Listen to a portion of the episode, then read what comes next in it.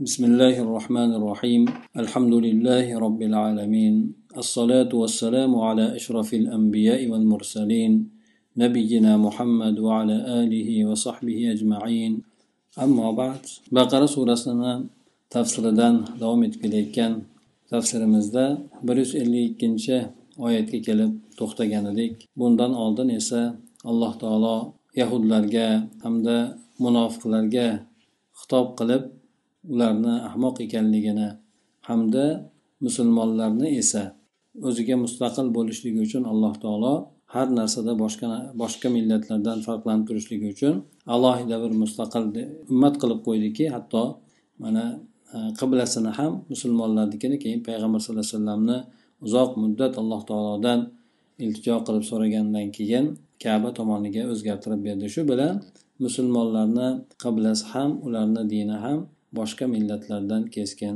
farq qiladigan bo'lib qoldi. Ana undan keyin alloh taolo musulmonlarni alloh ularga bergan ne'matlarni eslashlikka chaqirib hamda payg'ambar sallallohu alayhi vasallamni ham ularga payg'ambar qilib yuborib ne'matini to'la to'kis qilganligini bayon qilib o'tdi. Shu bilan birgalikda alloh taolo aytadiki payg'ambar alayhisalomni sifatlarini bayon qilgandan keyin fazkuruni azkurkum vashkuruli vala takfurun. Ey mo'min bandalarim meni zikr qilinglar men ham sizlarni esga olaman zikr etaman. Menga shukrona qilinglar butun bergan ne'matlarimga hech bir ummatlarga boshqa ummatlarga o'xshab menga nonko'rlik qilmanglar dedi. Ya'ni mufassir aytadiki uzkuruni bil ibadati va toa azkurkum bil mag'firati va thawab uzkuruni fi ni'mati va raha azkurkum fi shiddati val bala واشكروا نعمتي الجليلة عليكم ولا تكفروها بالجحود والإصيان. فمن أطاع الله فقد شكر ومن أصاه فقد كفر. ثم نادى تعالى عباده بنداء الإيمان ليستنهض هممهم إلى امتثال الأوامر الإلهية. فقال سبحانه demak alloh taolo mo'minlarni o'zini eslashlikka chaqirgan suratda aytadiki sizlar meni ibodat qilishlik itoat qilishlik orqali eslanglar shunda men sizlarni sizlardan o'tgan kamchiliklarni mag'firat qilishlik sizlarni qilib o'tgan amallaringizga mukofotlar berishlik bilan yodga olaman. Shuningdek meni sizlar ne'matda bemalolchilik bo'lgan paytida farovonlik paytida yodga olinglar. Men sizlarni esa qiyinchilik bir balo musibat kelgan paytida yodga olaman dedi. Demak bu borada boshqa hadisda ham keladi. Alloh taologa alloh taoloni qiyinchilikda tanigin alloh taolo seni qiyinchilikda taniydi degan mazmunda. Undan tashqari inson qiyinchilikda duo qilib yurgan bo'lsa qiyinchilik boshiga tushgan paytda duo qilishligida farishtalar ham alloh taolodan so'rar ekanki parvardigor olam bu tanish ovoz senga duo qilar edi bunga qiyinchilik tushganda uni ijobat qilgin degan mazmunda ular ham alloh taolodan so'rar ekan. Ana o'shandek demak alloh taoloni inson kengchilik bo'lgan paytida bemalolchilik bo'lgan paytida esga oladigan bo'lsa ularni qiyinchilik musibat tushganda alloh taolo albatta esga olib ularga yordam berar ekan. Yana undan keyin alloh taolo aytadiki sizlarga bo'lgan buyuk ne'matlarimga shukrona qilinglar. Ne'matlarni aytib o'tdik. Birinchi eng katta ne'mati payg'ambar sallallohu alayhi vasallamni musulmonlarga payg'ambar qilib yuborishligi. Ya'ni shu musulmonlarni ichidan chiqqan qilib arablarni ichidan chiqqan qilib yuborishligi undan tashqari qur'on ne'matini berishligi juda ko'plab alloh taolo ne'matini berishligi shularga shukrona qilinglar. Unga alloh taoloni o'sha ne'matlarni inkor etishlik bilan alloh taologa osiylik qilishlik bilan bu ne'matlarga nonko'rlik qilib qo'ymanglar. Kimki alloh taologa itoat qiladigan bo'lsa demak alloh taologa shukrona keltiribdi. Kimki allohga bergan ne'matlarida osiylik qiladigan bo'lsa noto'g'ri yo'llarga ishlatadigan bo'lsa bu odam nonko'rlik qilibdi deb alloh taolo aytyapti aytadi. Keyin alloh taolo mo'min e, bandalariga iymon nidosi bilan xitob qiladi. Toinki ularni himmatlarini ilohiy bo'lgan buyruqlarga bo'ysunishlikka uyg'otishlik uchun. Demak ey mo'min bandalarim deb toinki undan keyin keladigan buyruqlar bo'ladigan bo'lsa o'sha buyruqlarga e'tiborni qaratishlik himmatlarni uyg'otishlik uchun alloh taolo o'ziga yaqin olib shunday nido qilar ekan. Alloh subhanava taolo aytadiki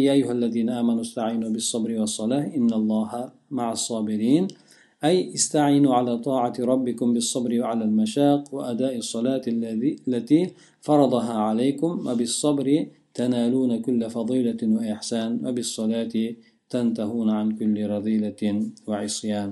ey iymon keltirgan kimsalar sizlar sabru ibodat bilan yordamlaninglar.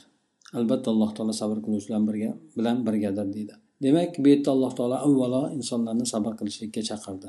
Har qanaqangi ishda insonga sabr kerak bo'ladi. Ho yaxshilikni yaxshiligidan yaxshilik kelgan paytda o'zidan ketib qolmasligi uchun musibat tushgan paytida esa inson juda ham ko'ngli cho'kib ketmasligi uchun boshqalarga iltijo qilib qolmasligi uchun albatta insondan sabr talab qilinadi. Ana o'shandek sabr bilan yordamlaninglar. Hamda sabr insonda ham o'zini chegarasi bor toqatni e, darajasi bor. O'sha tugab qoladigan paytida albatta alloh taologa qattiq bog'lanishlik bilan ibodat qilishlik bilan yordamlaninglar deydi. Alloh taolo esa sabr qiluvchilar bilan birga deb alloh taolo ularni o'zi quvvatlashligini bayon qilyapti. Ya'ni sizlar robbilaringizni itoatida yordamlaninglar. Ya'ni alloh taologa itoat qilib alloh taolodan yordam so'ranglar. Hamda qiyinchiliklarga sabr qilishlik bilan o'sha alloh taoloni toatida mahkam turinglar. Shuningdek alloh taolo sizlarga farz etgan namozlarni ado etishlik bilan yordamlanglar. Ya'ni sabr qilishlikda alloh taologa itoat qilishlikda ne'matlarga shukrona aytishlikda albatta inson sabr qilishlik kerak hamda alloh taoloni buyurgan amallarini ado etishlik kerak. Ana o'shanda insonni alloh taolo yana ham quvvatli qiladi. Sabr bilan esa sizlar har bir fazilatga har bir yaxshilik bo'lgan narsalarga erishasizlar. Namozni ado etishlik bilan esa har bir razilat bo'lgan isyon bo'lgan gunoh bo'lgan narsalardan tiyilasizlar deydi. Demak alloh taolo qur'oni karimda aytadiki albatta namoz ibodat bu insonni fahsh ya'ni fahsh deb agar munkar ishlar keladigan bo'lsa ikkitasi bir yonma yon keladigan bo'lsa buzuqlik deb e'tibor qilinadi. Munkar esa boshqa gunohlarni e, e'tibor bilan aytiladi. Ya'ni buzuqlik amallari bo'lsin yoki munkar bo'lgan qattiq kichik gunohlar bo'lsin shularni hammasidan namoz o'zi insonni tiyib qo'yadi deb alloh taolo aytadi. Alloh taolo sabr qiluvchilar bilan birgadir. Ya'ni qanday qilib birga deganda ularga yordam berishlik bilan ularni rioya qilib saqlash himoya qilishlik bilan saqlashlik bilan alloh taolo ularga yordam beradi ولا تقولوا لمن يقتل في سبيل الله أموات بل أحياء ولكن لا تشعرون أي لا تقولوا عن الشهداء إنهم أموات بل هم أحياء عند ربهم يرزقون ولكنكم لا تعرفون ذلك لأنهم في حياة برزخية أسمى من, من حياة الدنيا ana undan keyin alloh taolo o'zini yo'lida shunday qiyinchiliklarga sabr bilan namoz bilan yordamlanglar deydida alloh taoloni yo'lida ibodatlarni ado etishlik bo'lsin allohni yo'lida harakat qilishlik bo'lsin o'sha yo'lda mabodo kimsa vafot etib ketadigan bo'lsa bular shu vafot etganlik bilan ularni hayoti tugab qolmaydi balki ularni hayoti kelajak hayotida ham kelgusi yoki barzax hayotida ham davom etadi. Lekin bu yoqdagi insonlar ularni his qilolmaydi chunki ular bilan aloqa ham bog'lolmaydi shuning uchun alloh taolo shahidlar borasida aytadiki bular o'lgan emaslar balki ular tirikdirlar robbilarini huzurida rizqlanyaptilar deydi. Insonni ruhlari alloh taoloni huzurida rizqlanadi juda ham rohatlanadi bu to'g'risida hadislarda bayon qilingan. Lekin sizlar esa ularni bu narsani bilmaysizlar deydi. Haqiqatdan inson bilan u insonni bu hayotdagi hayoti bilan barzax hayotidagi bo'lgan aloqa uziladi. Shuning uchun insonlar tasavvur ham qilib ololmaydilar. Sababi ular barzax hayotida bo'ladilar. Barzax hayoti esa bu hayoti dunyodan ko'ra oliyroq deydi. Demak bu hayoti dunyoda inson chegara doirasida yashaydi. Barzax hayotiga o'tar ekan bu chegara kengayadi. Chunki inson e, ruhi jannatda bo'lishligi mumkin. Chunki mana shahidlarnikida qushni ichki tomonida jannatni daraxtlarni barglarida osilib turganligini bayon qilingan. Undan tashqari demak barzax hayoti bu hayoti dunyodan ko'ra kengroq hamda yaxshiroq hayot hisoblanadi. Lekin bu hayot haqida esa bizga juda ham qisqa bo'lgan ma'lumot berilgan xolos. Nima bo'lganda ham shahidlar alloh taolo buni bularni misol qilib keltirdi ular tirik deb turib lekin shular bilan birgalikda boshqa ulardan ko'ra darajasi yuqori bo'lgan kimsalar payg'ambarlar yoki siddiqlar ham ana shunday maqomni olishadi ولنبلونكم بشيء من الخوف والجوع ونقص من الأموال والأنفس والثمرات وبشر الصابرين أي ولنختبرنكم أيها الناس بشيء يسير من أنواع البلاء مثل الخوف من الأعداء والجوع الشديد بسبب القحط والجدب وذهاب بعض الأموال وفقد الأحباب بعض الأحباب وضياء بعض الزروع والثمار وبشر الصابرين على المصائب والمحن بالأجر والثواب الجزيل من رب العالمين. alloh taolo demak yana sabr to'g'risidagi bo'lgan oyatlarni davom ettirib aytadiki biz sizlarni albatta qo'rquv yoki bo'lmasa ochlik bo'lsin mollardagi kamchilik jonlardagi bo'lgan kamchilik mevalardagi bo'lgan kam nuqsonlik shunaqa narsalar bilan albatta sizlarni imtihon qilamiz sinaymiz. Ana o'sha boralarda sabr qiladigan kimsalarga xush xabar bering deydi. Mufassir aytadiki ey insonlar biz sizlarni turli balolar bilan ozgina turli balolardan ozgina bo'lgan narsalar bilan albatta imtihon qilamiz deydi. Ozgina bo'lgan narsa. Albatta insonlarga alloh taolo balolarni katta qilib tushirmaydi lekin ularga o'sha beriladigan balolardan bir bo'lagini ham ko'rsatadi bir bo'lagini ko'rsatadi xolos. Ana o'shalardan mana dushmandan qo'rquv bo'lsin insonlarni boshiga tushadigan yoki bo'lmasa qahatchilik qurg'oqchilik sababli insonlarni boshiga tushadigan qattiq ocharchilik bo'lsin. Yoki ba'zi mollarni insonlarni ketib qolishligi ba'zi o'zi yaxshi ko'rgan kimsalardan ayrilib qolishligi yoki ziroat bo'lsin meva chevalar bo'lsin shularni zoyi bo'lib ketishligi mana shunday bo'lgan alloh taolo har xil suratlar bilan insonlarni albatta imtihon qilishligini aytib o'tadi.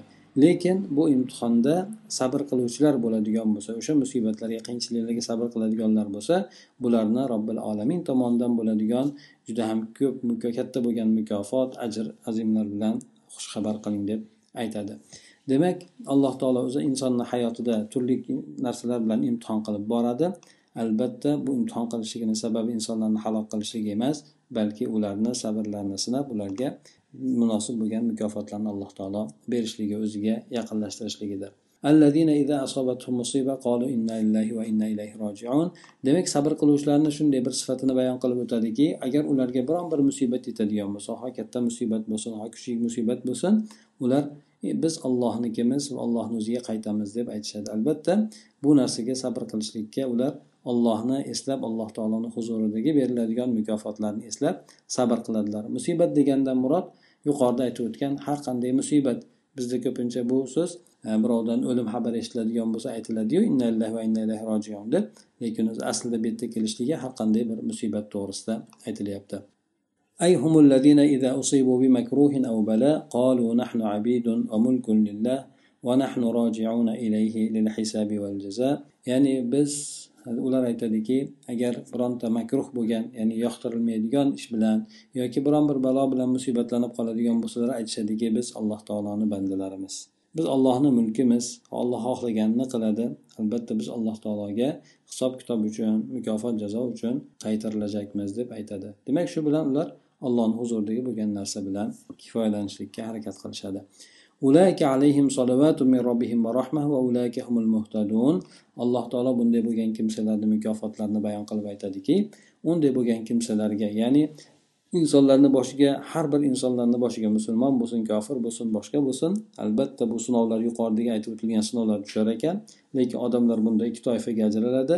Sabr qiluvchilar bilan nonko'rlik qiluvchilar bo'ladi. Sabr qiluvchilarga esa alloh taolo o'zini huzuridan bir salovatlar hamda rahmatni berishligi maqtovlar berishligi rahmatni berishligi ana o'sha kimsalar alloh taolo tomonidan hidoyatga loyiq bo'lgan kimsalar deb aytadi ay haulai sabirun lahum thana'un wa tamjidun wa rahmatun azimatun min allohi va humul muhtaduna ila tariqi as-sa'adati wal falah va fil hadith al-qudusi من ابتليته بحبيبتيه أي عينيه فصبر عوضته الجنة أخرجه البخاري u sabr qiladigan kimsalar ya'ni musibat tushgan paytda allohga bog'lanib alloh taologa iloji boricha sabr qilishlikka harakat qiladigan kimsalar bular uchun alloh taolo tomonidan juda ham katta bir rahmat bo'ladi maqtov ulug'lashlik bo'ladi bularga. Bular esa baxt saodat zafar yo'liga hidoyatlangan kimsalar bo'ladi. Hadis qudusiyda keladiki alloh taolo aytadi men qaysi bir bandamni ikkala ko'zi bilan imtihon qiladigan bo'lsam ya'ni ikkala ko'zini olib qo'yib ya'ni amo qilib qo'yadigan bo'lsam shunga sabr qiladigan bo'lsa men uni o'sha musibatni evazidan jannatni u odamga beraman deb aytadi. Buni imom buxoriy rivoyat qilgan ekan. Demak sabr qiluvchilar bo'lgan odamlarga alloh taolo katta bir mukofotni va'da qilyapti. Bular uchun nafaqat g'alaba balki undan ko'ra yuqoriroq bo'lgan narsa allohni rahmatiga insonlar erishishligi hamda alloh taolo tomonidan bo'ladigan maqtovlarga sazovor bo'lishligi. Bu maqtovlar mana sahobalarga bir qancha o'rinlarda qur'oni karimda bayon qilingan. Alloh taolo undan keyin kimsalarga ham o'shanday bo'lgan maqtovlarni bayon qilaveradi. Inna safa val marvata min sha'airillah. Al muradu jabalu safa va jabalul marva ay huma min ma'alimi dinillah va manasiki hajji.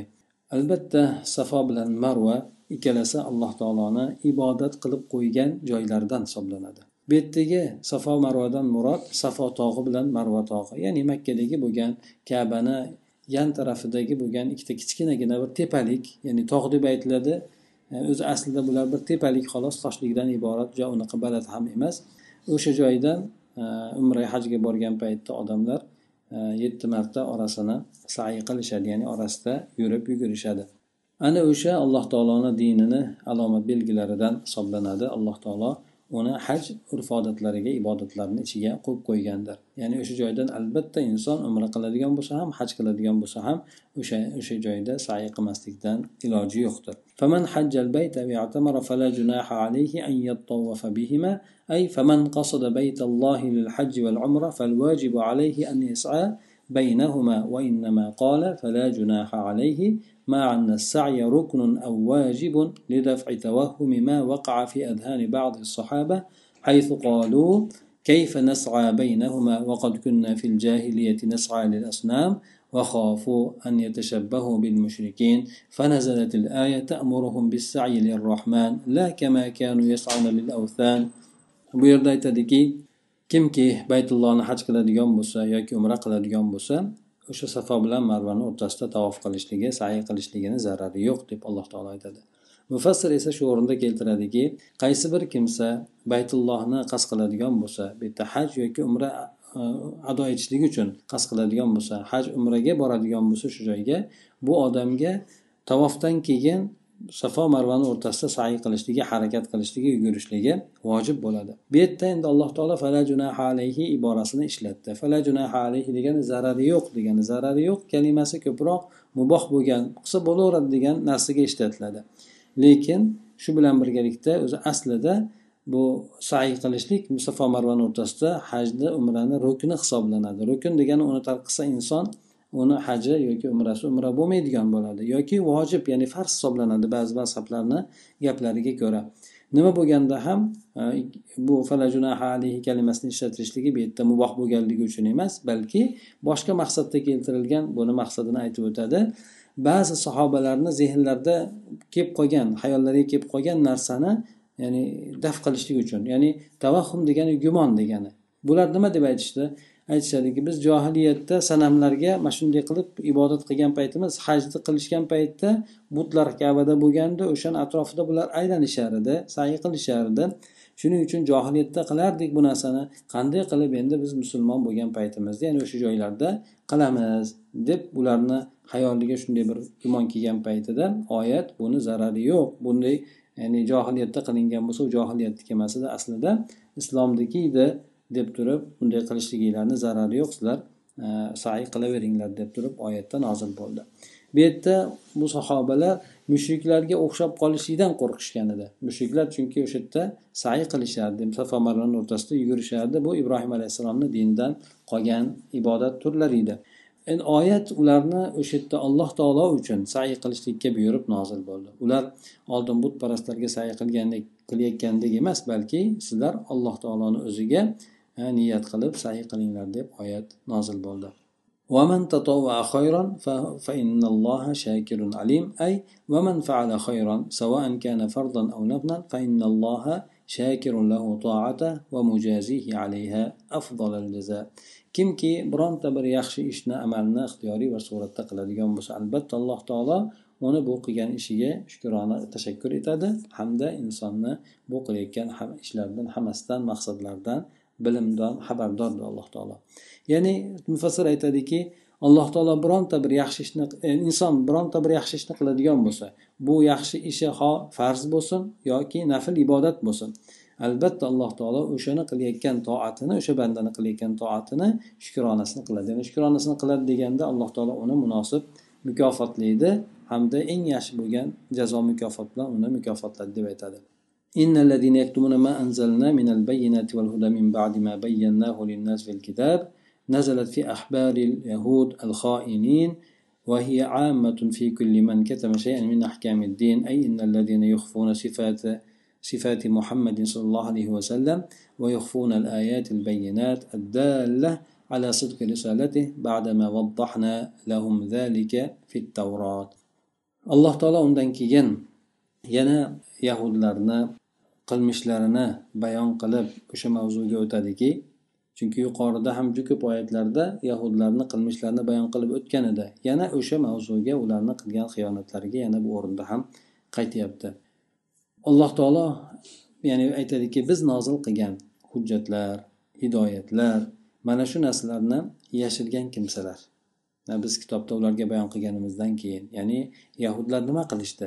Bu oyat aslida xiyonatkor bo'lgan yahudlarni poplari yoki olimlari to'g'risida nozil bo'lgan. O'zi aslida bu yahudlar to'g'risida bo'lgani bilan lekin din hukmlaridan biron narsani yashirgan hamma odam to'g'risida umumiydir ya'ni kim qaysi bir insonlarda din ahkomlari tushadigan bo'lsa uni yashiradigan bo'lsa o'shalar to'g'risida bu yerdagi hukm ommaviydir ya'ni bu yerda muhammad sallallohu alayhi vasallamni sifatlarini yashirgan kimsalar. U kishini risolatini to'g'ri ekanligiga dalolat qiladigan ochiq oshkor bo'lgan oyatlarni bekitgan yashirgan kimsalar ya'ni biz ularga bu narsalarni tavrotda bayon qilib berganimizdan keyin hamma narsani ochiq oydin bilgandan keyin hali ular yashirishdi ana o'shanday bo'lgan kimsalar nima qiladi ularni jazosi qanday bo'ladi alloh taolo aytadiki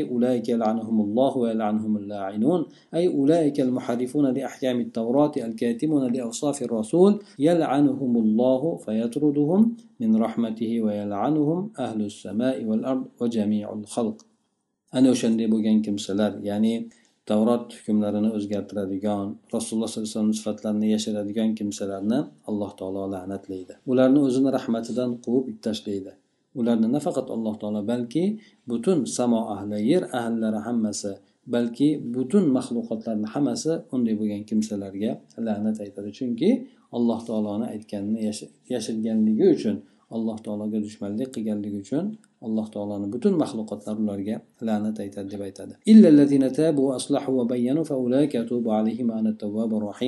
Albatta e, istisno bo'ladi. Kimki o'sha ishni qilgandan keyin afsnudomat qiladigan bo'lsa jinoyatidan qaytadigan bo'lsa ortga chekinadigan bo'lsa hamda odamlar uchun haqiqatni keyin bayon qiladigan bo'lsa ya'ni o'sha ular yashirgan edi sifatlarni o'ziga tavba qilib o'zini isloh qilib yana bayon qiladigan bo'lsa va o'zi aslahuma afsaduhu bil kitman o'zlari yashirishlik bilan buzg'unchilik qilgan buzgan narsalarni yana isloh qiladigan bo'lsa va o'zlari yashirgan payg'ambar alayhisalomni risolatini rostgo'y ekanligini rost ekanligini bayon qiladigan bo'lsalar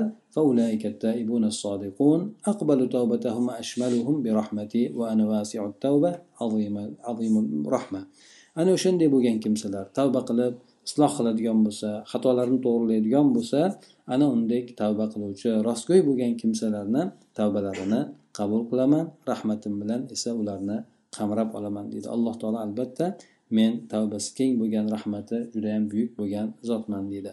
Hattoki mana alloh taolo bularga imkoniyat beryaptiki yuqoridagi bo'lgan xatolarini o'nglashliklari uchun shunday katta bir jinoyatni qilgan taqdirida ham. إن الذين كفروا وماتوا وهم كفار أي إن الذين جحدوا وحدانية الله وكذبوا وحدانية الله وكذبوا رسوله وماتوا على الكفر أولئك عليهم لعنة الله والملائكة والناس أجمعين. خالدين فيها لا يخفف عنهم العذاب ولا هم ينظرون. أي أولئك الكفرة الفجر فجار استقرت عليهم اللعنة عليهم اللعنة من الله والملائكة وجميع الخلق. خالدين في نار جهنم. عذاب وعذابهم دائم لا ينقطع ولا يمهلون أي أو يؤجلون ساعة واحدة. حكم تبارك وتعالى على الكفار بثلاث عقوبات الخلود في جحيم وعدم الإمهال وعدم التخفيف. Demak yuqoridagi bo'lgan kimsalar tavba qilmasdan o'lib ketadigan bo'lsa alloh taoloni birligini inkor etib rasulini yolg'onchiga chiqaradigan bo'lsa ya'ni kufrga shunday kufr ustida o'lib ketishadigan bo'lsalar tavba qilmasdan ana bunday bo'lgan kimsalarga esa alloh taoloni farishtalarni butun insonlarni hammasini la'nati bo'lsin. Ular o'shanda abadiy la'natda abadiy bo'ladilar azobda abadiy bo'ladilar. Ulardan azob yengillatilmaydi ham ular muhlat berib kechiktirilmaydi ham mufassir aytadiki mana bu kofir bo'lgan fojir bo'lgan jinoyatchi bo'lgan kimsalar ularga alloh taolo tomonidan farishtalar butun maxluqotlar tomonidan la'nat qaror topadi. O'shalarni mahkam ushlab oladi la'nat. Ular jahannam azobida abadiy bo'ladilar. Ularni azoblari esa hech uzilmaydigan to'xtamaydigan abadiy bo'ladi. Bular bir muddat ham u yerdan muhlat berib ushlab turilmaydilar kechiktirilmaydilar ham. O'sha paytda ularga azob keladigan muddatda shunday azobni berilaveradi. Bu narsa ularga bir muddat ham kechiktirilmaydi. Alloh taboraka va taolo kofirlarga uchta uqubatni bu yerda aytib o'tdi.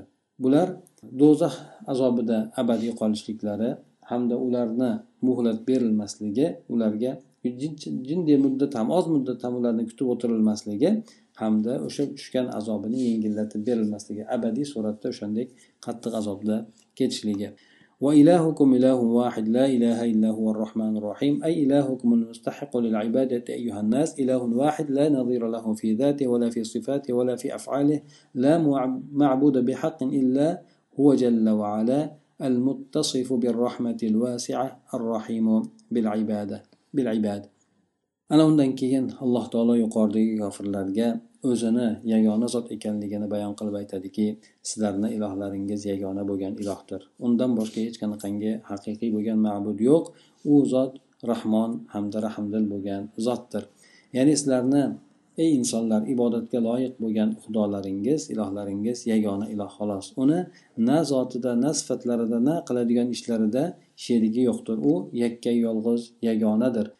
Haqiqiy ma'bud ham faqat u subhanahu va taolodir ya'ni allohdan boshqa haqiqiy ma'bud yo'qdir bu zot esa keng rahmat bilan sifatlangan bandalariga mehribon rahmdil bo'lgan zotdir deydi إن في خلق السماوات والأرض واختلاف الليل والنهار أي إن في إبداع السماوات والأرض بما فيهما من عجائب الصنعة ودلائل القدرة بما تعجز عن الإحاطة بها عقول البشر و تعاقب الليل والنهار بنظام دقيق محكم يأتي الليل فيعقبه النهار ويمضي النهار فيعقبه الليل ويطول النهار ويقصر حسب حسب التدبير الإلهي ana undan keyin alloh taolo o'zini yolg'iz yakka ekanligiga dalolat qiladigan oyatlarni nozil qildi ya'ni insonlarni e'tiborini koinotga alloh taoloni rububiyatiga qaratdi Alloh taolo aytadiki yer osmonlarni yaralishligida kecha kunduzni esa har xil bo'lib turishligida albatta aql egalari uchun oyat mo'jizalar bordir deydi. Ya'ni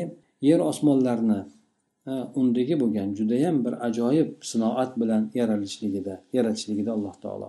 Hamda qudrat ko'rinishlarida bu u narsani ihota qilishlikdan butun insonlarni aqli esa ojiz bo'ladi.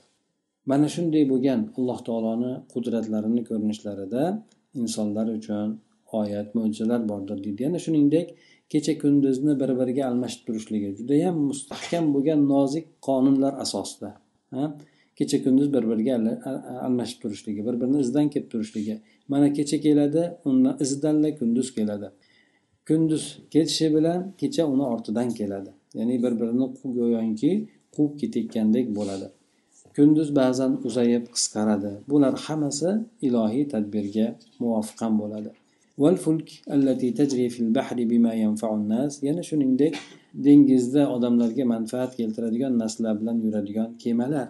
Mana bularda ham aql egalari uchun oyat mo'jizalar bor deydi أي والسفن الكبيرة الضخمة التي تسير في البحر وتجري على سطح الماء لا ولا تغوص فيه وهي مملوءة بالأثقال والرجال بما يحقق مصالح العباد ya'ni judayam katta ulkan bo'lgan kemalar. Bular dengizni ichida yuradigan suv osti yuradiganlari bo'lsin yoki suv suvni usti yuradiganlari ya'ni cho'kmasdan suvni usti yuradiganlari bo'lsa bular undan tashqari yana yuklar bilan odamlar bilan to'lib toshgan bo'ladi. Bularni hammasi bandalarni manfaatini ro'yobga chiqaradigan narsalar bilan yuradi bular.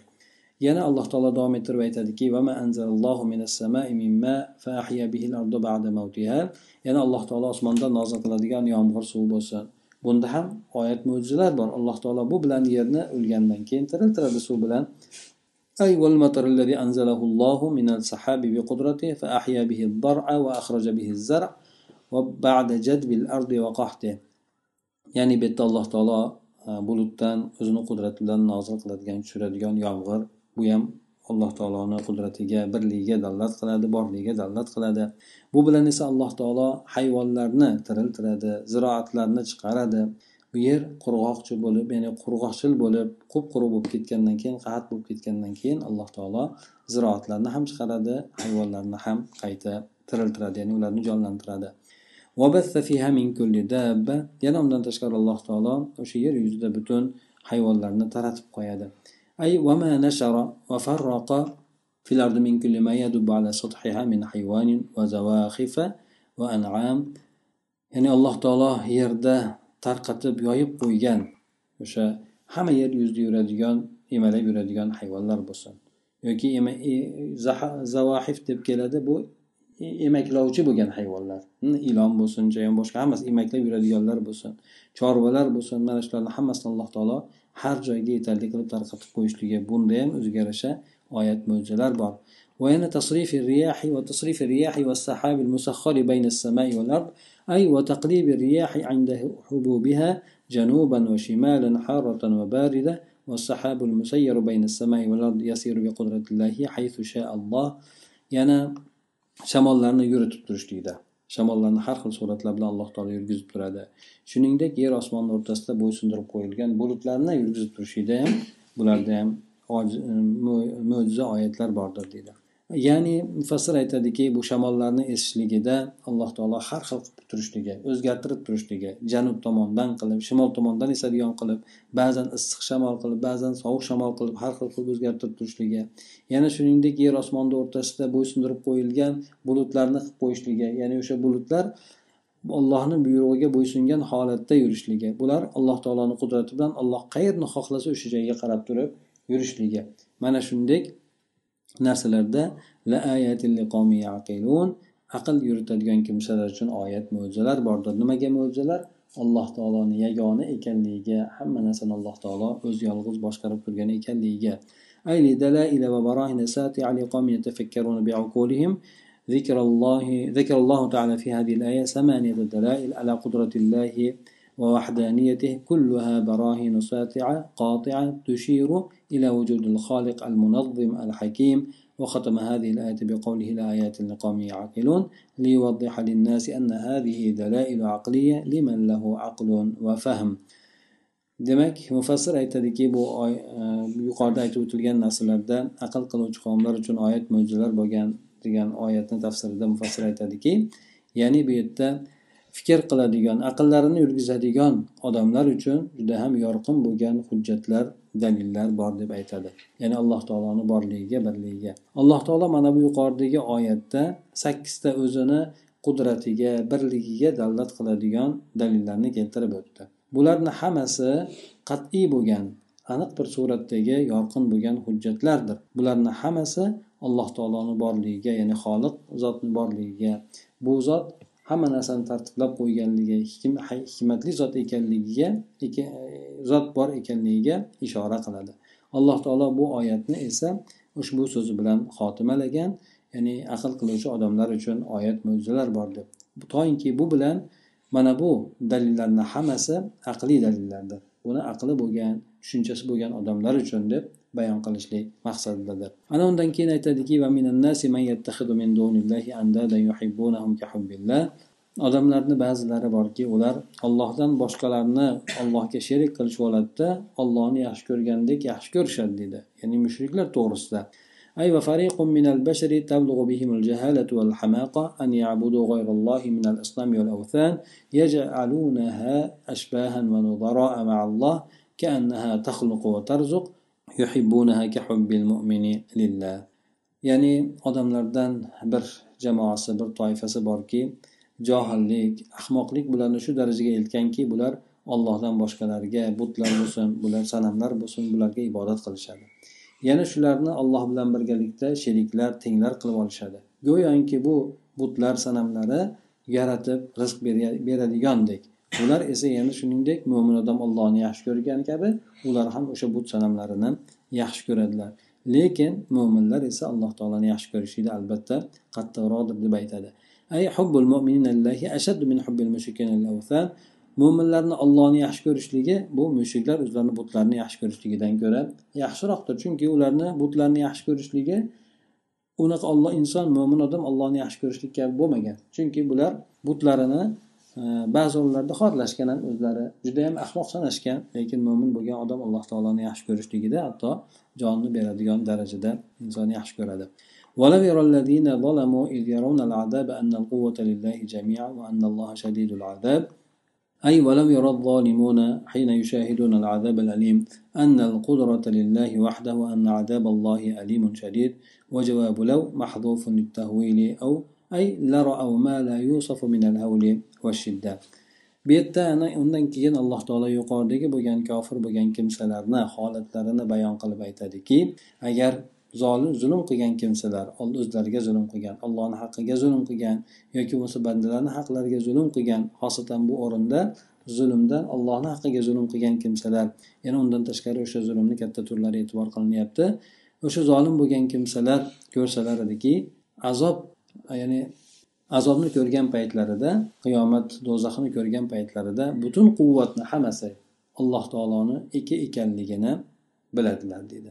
Bilganlarida nima qilardi? Ya'ni alloh taolo azobi qattiq ekanligini bilgani deydi deb to'xtatib qo'ydiki lav deb jazosi esa lavni keladigan javobi mahzuf keldi uni aytib o'tadi.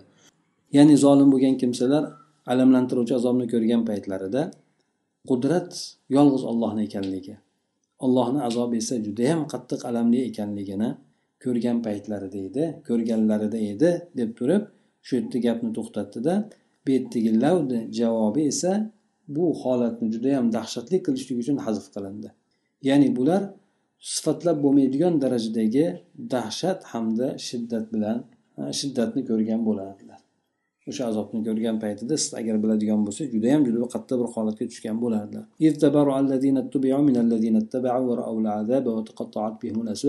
أي حين يتبرع المتبوعون من الأتباع ويتبرأ رؤساء المضلون من الأنصار والأشقياء وعاينوا عذاب الله الشديد وانفرطت بينهم روابط الألفة والمحبة يعني matbu bo'lgan kimsalar ergashilgan boshliq bo'lgan rais bo'lgan kimsalar o'zlarini ergashganlardan qiyomat kunida o'zlarini pok tutadi ya'ni ularni biz sizlarni adashtirmaganmiz deb ulardan o'zlarini bezor tutadi pok tutadi hamda bular azobni ko'rgan paytlari shu narsalar yana ular bilan esa e, sabablar uziladi har har qanaqangi insonga berishlik yordam yordam berishligi mumkin bo'lgan narsa hammasi ulardan uziladi.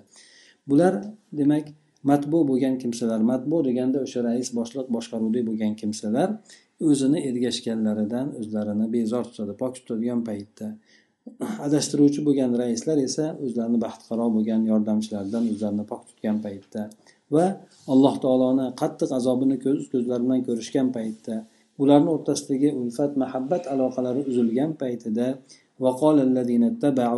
لو أن لنا كرة فنتبرأ منهم كما تبرأوا منا أي وتمنى الأتباع لو أن لهم رجعة وعودة إلى الدنيا ليتبرؤوا من أولئك الزعماء الذين أضلوهم yana o'sha endi ular tobe ya'ni o'zlarini bezor tutgan paytda ulardan o'zlarini pok tutgan paytda ulardan voz kechgan paytida shuningdek ergashgan kimsalar ham aytishadiki agar bizga shu dunyoga qaytishlikka imkoniyat bo'lgan deydi ular qanday bizdan o'zlarini pok tutgan bo'lsa biz ham ulardan ulardan voz kechgan bo'lardik ulardan o'zimizni pok tutgan bo'lardik deb aytishadi.